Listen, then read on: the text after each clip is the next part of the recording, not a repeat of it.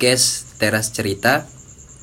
Seperti yang udah gue janjiin sebelumnya, gue akan mencari narasumber-narasumber lagi yang memang uh, bisa digali informasinya lebih lanjut, ya digali kuburan kali ya. Um, lalu di episode kali ini gua dengan tema yang sama yaitu work from home uh, dapat atau mungkin punya narasumber teman gua masih masih teman gua sendiri yaitu Handoko Halo. halo doang mas Ya Mas Handoko ini mungkin bisa bercerita atau mungkin mem- bisa memberikan informasinya seputar dampak dari pandemi ini sih yaitu mungkin work from home work from home kan juga termasuk bagian dari dampak pandemi ya Mas ya selain dari uh, yang lain-lainnya lah kayak ekonomi atau mungkin yang lainnya. Nah uh, Mas Handoko boleh kasih tahu Mas sekarang ini profesinya apa, uh, usianya berapa, terus uh, Lengkap banget nih kayaknya. rumahnya di mana aja nggak usah lah nanti fans fans lu pada Aduh. ini lagi silakan mas ya perkenalin nama gue Handoko. Eh, profesi gue teknisi asam reges. teknisi asam regas tuh teknisi yang kayak Ya. gimana mas gue dia lebih profesi gue bidang jasa tapi lebih ke teknik. oh bidang Ah. jasa tapi lebih ke teknik terus umur gue 27 tahun nih. wah masih sangat belia ya Ya. Eh, belia Iya, apa nih? Apa ya lagi? tadi profesinya udah, Udah. terus eh, gue juga lupa apa nih Eh, kan gue ngambil tema judulnya work from home ya mas. Nah lu terkena dampak work, work from home juga nggak sih? Kalau teknisi.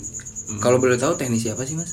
Gue di mesin fotokopi mas. oh mesin fotokopi. Jarang tuh ada yang bisa teknisi mesin fotokopi. Nah, di YouTube banyak sekarang. di itu banyak ya berarti emang YouTube tuh semua ya ada ya? Ya itu Bagus bisa banget tuh YouTube kalau mau belajar semua ada di YouTube. Tapi gue kadang-kadang kalau YouTube tuh nggak bisa belajar kayak gitu sih mas harus sama orangnya.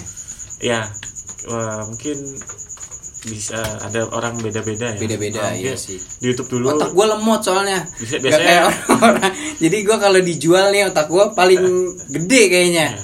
Biasanya sih di YouTube dulu dia cari info, ketemu orangnya jadi jadi nyambung. Jadi nyambung. Ah, daripada ada ketemu orang yang benar-benar ngeblank, Hmm. ya nggak bisa gitu. Bukan nggak bisa, jadi banyak nanya, kelamaan Ah. waktu nanya. Tapi kalau udah nonton YouTube kan seenggaknya tahu dulu nih, dulu, ya, ya. sosok pinter aja.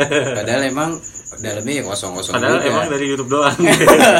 Iya eh, untuk informasi lagi, gue masih menggunakan tempat yang sama, yaitu kehidupan dengan keanekaragaman yaitu suara jangkrik. Jangan kecewa untuk para pendengar semua karena ini bagian dari kehidupan kita. Jadi eh, ada istilahnya mas, di mana ada suara ada suara jangkrik, ada kunang-kunang, itu memang udara masih bersih. Udara masih bersih ya Ah, mas ya. Jadi ini memang sengaja di sini tempat ini ada Oh, jangkriknya Sumbernya dari mana nih mas kalau supaya tahu? udara bersih Iya. dan pikiran jernih. ah, banyak pohonnya samping-samping kebun lah ini.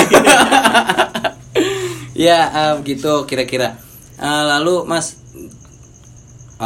gue mau tanya lagi tadi, Ah. lu terkena dampak oh iya, dampak ya. work from home ini gak sih? Kalau dampak eh, work from home Eh, ini terkena dampak work from home. Apa namanya? COVID. Eh, iya, lu di kantor Eh, sedang mengalami work from home atau enggak? Kalau dari kantor gue sendiri sih eh, kena ya mas, karena kebetulan kan eh, bidangnya jasa. Jasa ini kan eh, semacam komplainan para customer gitu. Jasa. Ah dan kita kita datang ke customer itu kan berarti udah interaksi, sedangkan satu teknisi itu bisa 50 sampai 100 mesin dalam satu bulan. 50 sampai 100 mesin. Uh, untuk Banyak dicek, juga ya.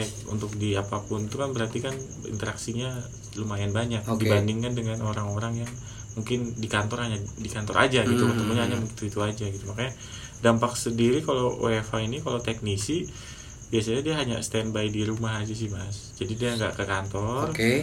tapi dia yang eh, dari rumah untuk karantina diri ya apa sih Iya, Ah, mengkarantina menjaga diri, kesehatan ya. misalnya ada komplainan dia baru ke Datang. datang karena ke sudut pandang gue untuk teknisi ini kan yang ke lapangan jadi malah yang ditakutin teknisi ketika balik ke kantor bisa Oh, membawa iya, iya. membawa carrier ya itu carrier ya, apa jadi apa carrier. istilahnya ke Keluarga. orang-orang kantor Hmm. nah, gitu nah kalau ke, di keluarga sendiri Oh, iya, juga bisa. Ah, makanya di kantor yaudah dari rumah aja langsung ke lapangan kayak Oh. gitu dan kita ya di rumah juga harus bersihin diri juga Iya, kan betul. kita nggak mungkin kalau nyampe kantor langsung mandi Nah. Kamar mandinya Tahu sendiri kan kayak Iya. gimana. Maksudnya gitulah tahu masa kita mandi di kantor kan gitu Iya, tapi ada mas untuk beberapa pekerja emang dia kadang suka mandi di mandi, kantor, iya. eh, kantor. Mungkin Iya. kantornya bintang 5 kali ya, gue Iya. juga nggak tahu karena Apalagi- uh, pabrik gue sendiri kamar mandinya ya kam- kamar mandi asam reges. Iya apalagi Sama kan juga. mesti ganti baju segala macam juga kan nggak mungkin Iya. kan ganti baju di kantor bawa baju double atau Iya. apa jadi ya lebih ke situ sih mas Kayaknya sekarang uh, apa-apa lebih kita lebih sehat gitu ya mas ya. Ah. Sampai kantor cuci tangan. Iya, iya. Mau makan juga kita cuci tangan pakai hand sanitizer Iya. juga. itu mas kayaknya kayak lebih lebih dirawat gitu Betul, tubuh betul, kita betul. semenjak ada pandemi virus corona ini. ya mungkin dampaknya itu aja sih eh, nggak bukan WFA tapi lebih ke standby tapi dari rumah gitu. Dari rumah berarti lu eh, kenal rollingan juga gak sih mas? Eh, jadi minggu pertama ini gue udah jalan tiga minggu ini ya Eh, Oh. dari gue kantor gue ngeberlakuin tentang waspada covid ini Iya. hampir eh, sekitar akhir April eh Oh. akhir April maaf akhir Maret D- dimulainya dari akhir Maret itu. Ah, akhir Maret kita sudah meeting briefing gimana untuk eh, apa isu-isu ini ternyata eh, banyak korb apa banyak yang terjangkit ya mas ya akhirnya Iya. kita awal awal April ini melakukan namanya eh, rolling jadi dua hari teknisi masuk dua hari teknisi libur Kalau boleh tahu mas eh, tempat kerja lu tuh di mana sih mas? oh ya kantor gue sendiri di Bogor Wah zona merah dong. itu dia jadi ceritanya kita awal ada isu itu hanya dua hari masuk dua hari libur Dua hari masuk, dua hari nah, libur. tapi karena zona merah wakil eh kepala wali kota Wali sendiri kota, iya, iya, kena, benar. kena covid kita langsung Bapak tuh libur Arya. Heeh, libur Dan- bukan libur maksudnya yang standby dari rumah Iya, ini iya. sampai saat ini seperti itu Berapa hari mas biasanya kalau eh, kena dampak ini?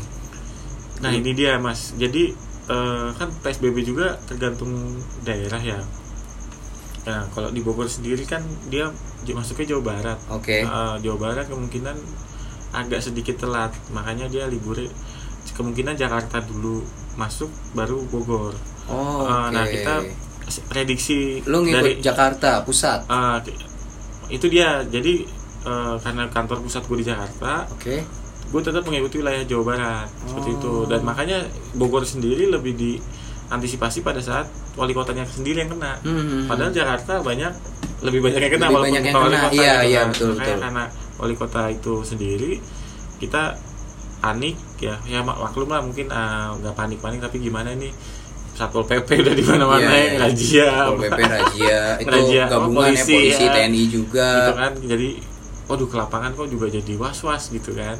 Apalagi kebetulan customer juga ada di samping kantor wali kota. Wah, di hotel Salak sama di eh, Bank Mandiri Juanda itu. Oh, Wah, oke, itu oke, kan ha, katakannya kantor wali kota kan. Makanya itu di- customer lu justru. Ah, di situ ada customer gue cuma kantor wali kotanya memang enggak. Iya, kan iya. dulu ada yang isu dari udara bisa kena. betul betul. apalah, Makanya sekarang masker Ah, kan. di situlah kita dua hari dua, dua hari masuk dua hari libur minggu pertama minggu kedua sampai sekarang libur standby gitu nah, Kalau sebelumnya memang ya lu standby terus lah ya, standby. Kalau sebelumnya eh, normalnya itu kita standby di kantor gitu. Jadi setiap hari itu kita ke lapangan, tapi ke kantor dulu. Hmm. Kita bikin laporan, kita nyiapin apa aja yang mau kita bawa. Alat perang kita nih di lapangan nih, karena kan kita teknisi kan. Iya iya. Nah, sudah lengkap semua, baru kita ke lapangan. Dan Iya. itu pulangnya juga balik ke kantor. Betul. Ah, makanya sekarang dampaknya sih sebenarnya nggak nggak berasa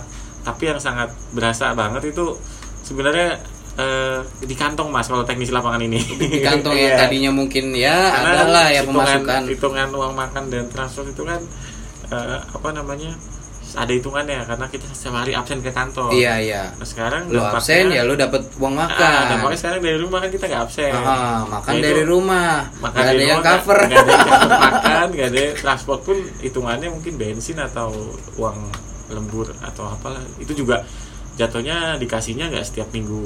Kalau hari normalnya kan setiap hari minggu kita dapat hari Jumat. Hmm. itu jadi mungkin eh, perusahaan memikirkan orang namanya orang lapangan. Kalau dia dikasihnya tiap bulan biasanya boncos, nih. Boncos, Nah, ya, ya, itu ya. dikasih tiap minggu. Nah saat pandemi ini ya kita dikasihnya cuma bulanan aja Bulanan gitu aja, Sedangkan ya. kita juga perlu standby kan. Ah, ah. ke, ke lapangan lapangan juga. Ya itu sih dampaknya yang berasa. Berarti memang kalau untuk teknisi ini uh, lu nggak mengalami kerja dari rumah tapi memang uh, dapat Dampaknya, rolling ya uh, dampaknya juga rolling. terasa juga dari pengurangan uang makan yang tadi Nah. bulan uh, apa mingguan mungkin bisa lah Eh, bro. mingguan rebesan ya sekarang uh, jadi nggak ada Ya, ya nggak ada. Nah untuk informasi juga Mas Handoko ini memang baru menikah dan uh, mungkin istri lo kena dampak kena bekerja di rumah juga atau gimana? iya istri gua yang tadi di wawancara itu mas Oh, yang tadi mana ya? Aduh, ah, lupa nih. istri gua yang Yang episode lalu ya? Oke, oh Clara. Iya, benar ya. benar benar benar.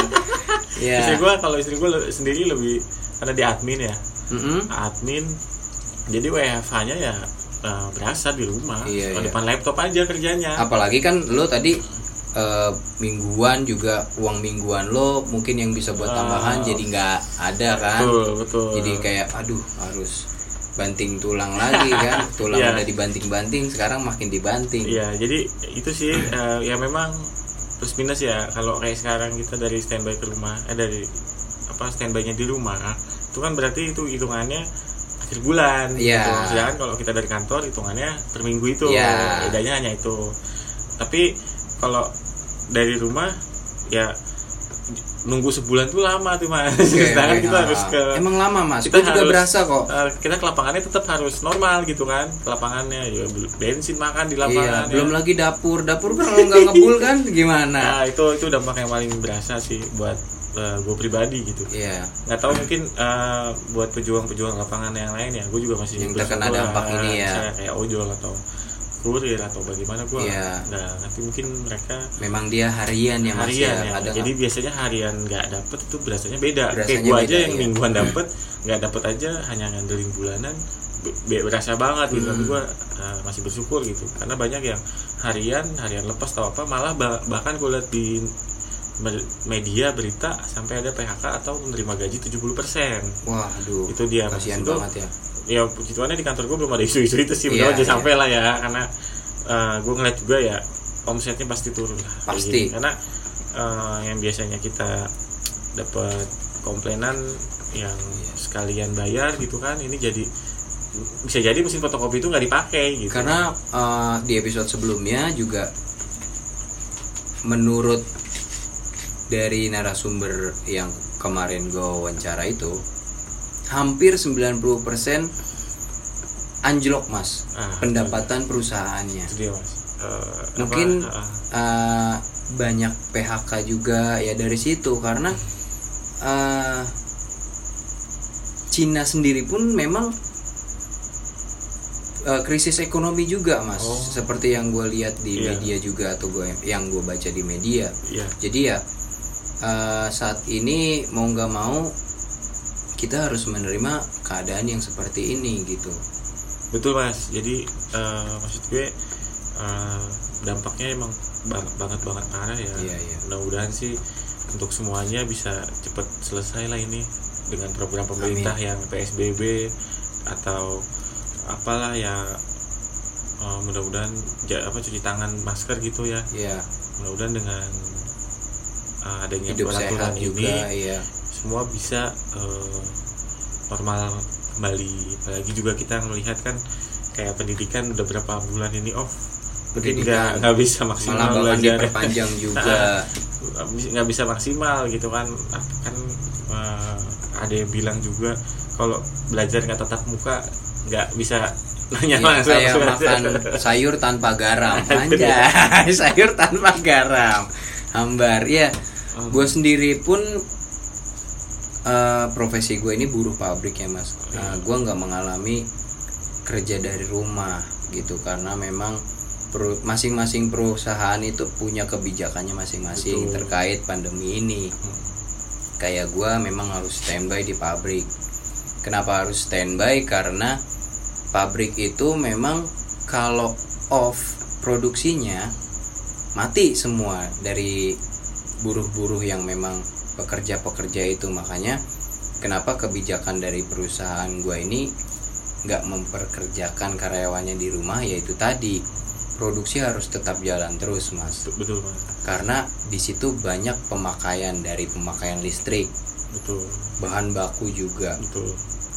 Nah itu harus benar-benar dimaksimalkan. Kalau enggak ya hancur gulung tikar perusahaan gua. Betul nah mungkin beda-beda juga di tiap-tiap perusahaan yang uh, gua sama lo bekerja atau mungkin teman-teman gue juga bekerja uh, kebijakannya beda-beda. Nah nah, kalau memang Mas Handoko nggak mengalami work from home begitu juga dengan gua mungkin gua agak sedikit ingin membahas dampak-dampak dari pandemi ini ke um, masyarakat atau ke pekerja-pekerja yang memang mendapatkan upahnya secara harian.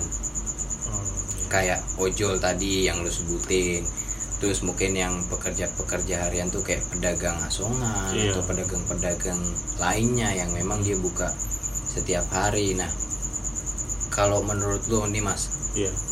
eh, dampak-dampak yang ditimbulkan dari virus ini untuk rakyat kecil lu gimana sih mas eh, melihatnya? Iya kalau dari gue sendiri sih mas ini bukan hanya rakyat kecil aja ya iya karena udah nyangkut mungkin para bos-bos atau para punya Iya, iya. owner-owner perusahaan sudah pusing juga gitu iya iya gimana nih dalam satu bulan gaji karyawan yang modelannya misalnya produksi nggak jalan atau apa eh, pelayanan apa pun nggak ada income gitu Iya, kan iya. Nah, sedangkan Kita harus gaji harus menggaji menggaji juga. gitu kayak banyak yang tadi saya bilang yang tadi gue bilang ada yang pemotongan 70% Iya. ada yang apa. Nah itu sih ada yang di PHK Ah, juga. gue sekarang ngeliatnya nggak nggak nggak hanya masyarakat kecil. Karena eh, masyarakat menengah atau ke atas pun sama kena dampaknya Iya, gitu iya. Pak. jadi yang yang gue lihat sudut pandang di sini ya, juga.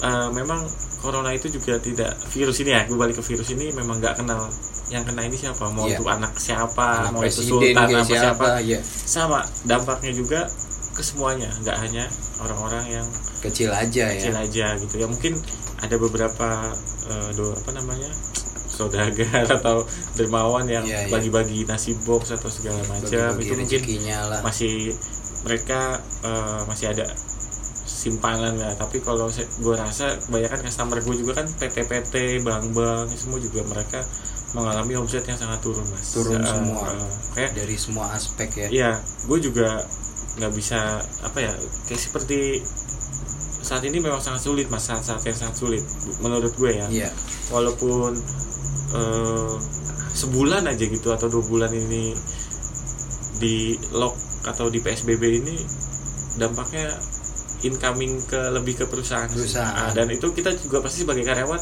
waduh gue juga mikir dong perusahaan gue gaji gue pakai apa nih Iya, gitu. nah iya. itu dia sih lebih ke situ makanya tentang- agak sedikit was-was juga was-was sih mas was, ya, ya, itu iya. gue lebih ke was-was sih Ah, gimana ini nih kita takut ya? di PHK juga takut apa di PHK enggak? takut iya. eh, misalnya mungkin jadi pengurangan Iya, ya kan? pengurangan. atau di rumah kan tidak digaji. betul betul. Kalau pengurangan itu sendiri walaupun memang kita udah karyawan tetap nggak padang bulu kayaknya ya Iya, kayaknya. dari kondisi yang kayak Ah, sekarang ini. karena melihat dari kondisi sendiri gitu. Income perusahaan juga nggak ada. Iya.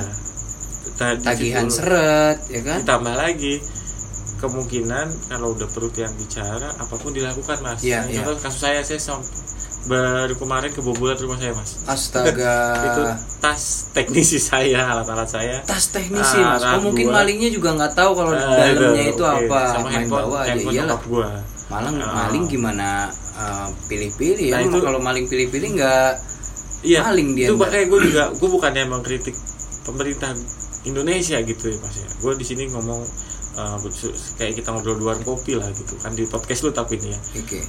Pernah dengar pidana dilepasin? pidana. Oh iya iya iya. Narapidana dilepasin. Oke ha. Nah gue lihat di negara-negara itu dipekerjakan untuk membuat masker. Kenapa di kita malah dibebaskan? Karena- mungkin pertimbangannya beda.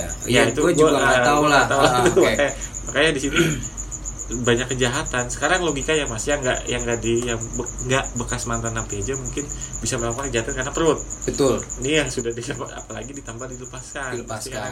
Ya gue bukannya meli mengecap jelek para narapidana. napi, eh, tapi kan namanya hukum kalau eh, mereka sudah membuat sesuatu yang buruk ya di apalagi masyarakat. ibaratnya eh, lu eh, dikasih hukuman untuk ngerjain nulis soal satu buku tapi Iya. lu baru nulis dua lembar udah disuruh bebas gitu kan Kayaknya- Eh, udah, udah di, udah di- iya, iya, pasti iya. lu apa apa kan ah, ya udah gue bisa eh, melakukan eh, hal yang toh- seperti itu lagi toh gue di di di penjara juga nanti hanya berapa tahun lagi Iya, gitu iya. kan nah itu sih yang yang apalagi gue juga melihat di Indonesia ini kan untuk narapidana ini biasanya ada yang melapor mas oh Nah melapor ini biasanya apakah menimbulkan dendam? Pasti dong. Iya. Wah dia laporin gua nih, jadi gua dijeblosin penjara. iya iya Nah dendam-dendam itu bisa disalurkan, eh, bisa tersalurkan ke orang lain.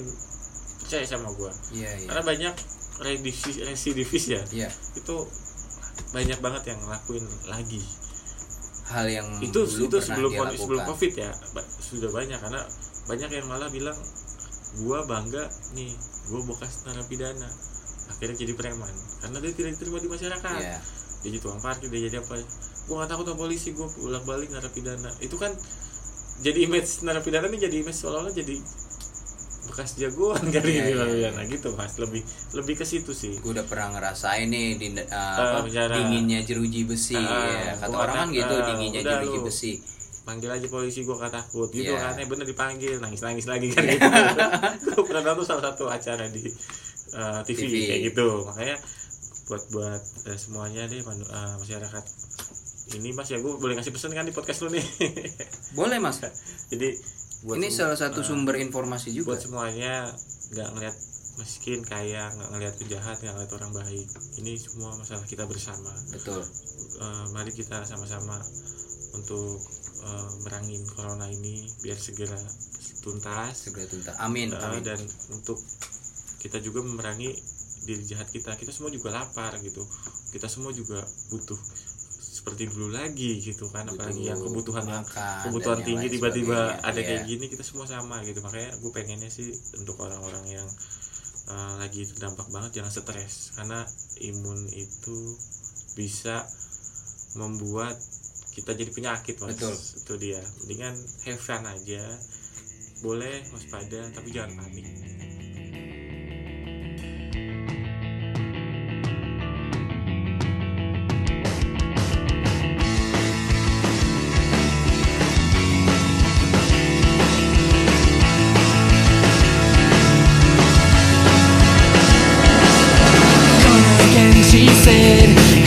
for the longest road.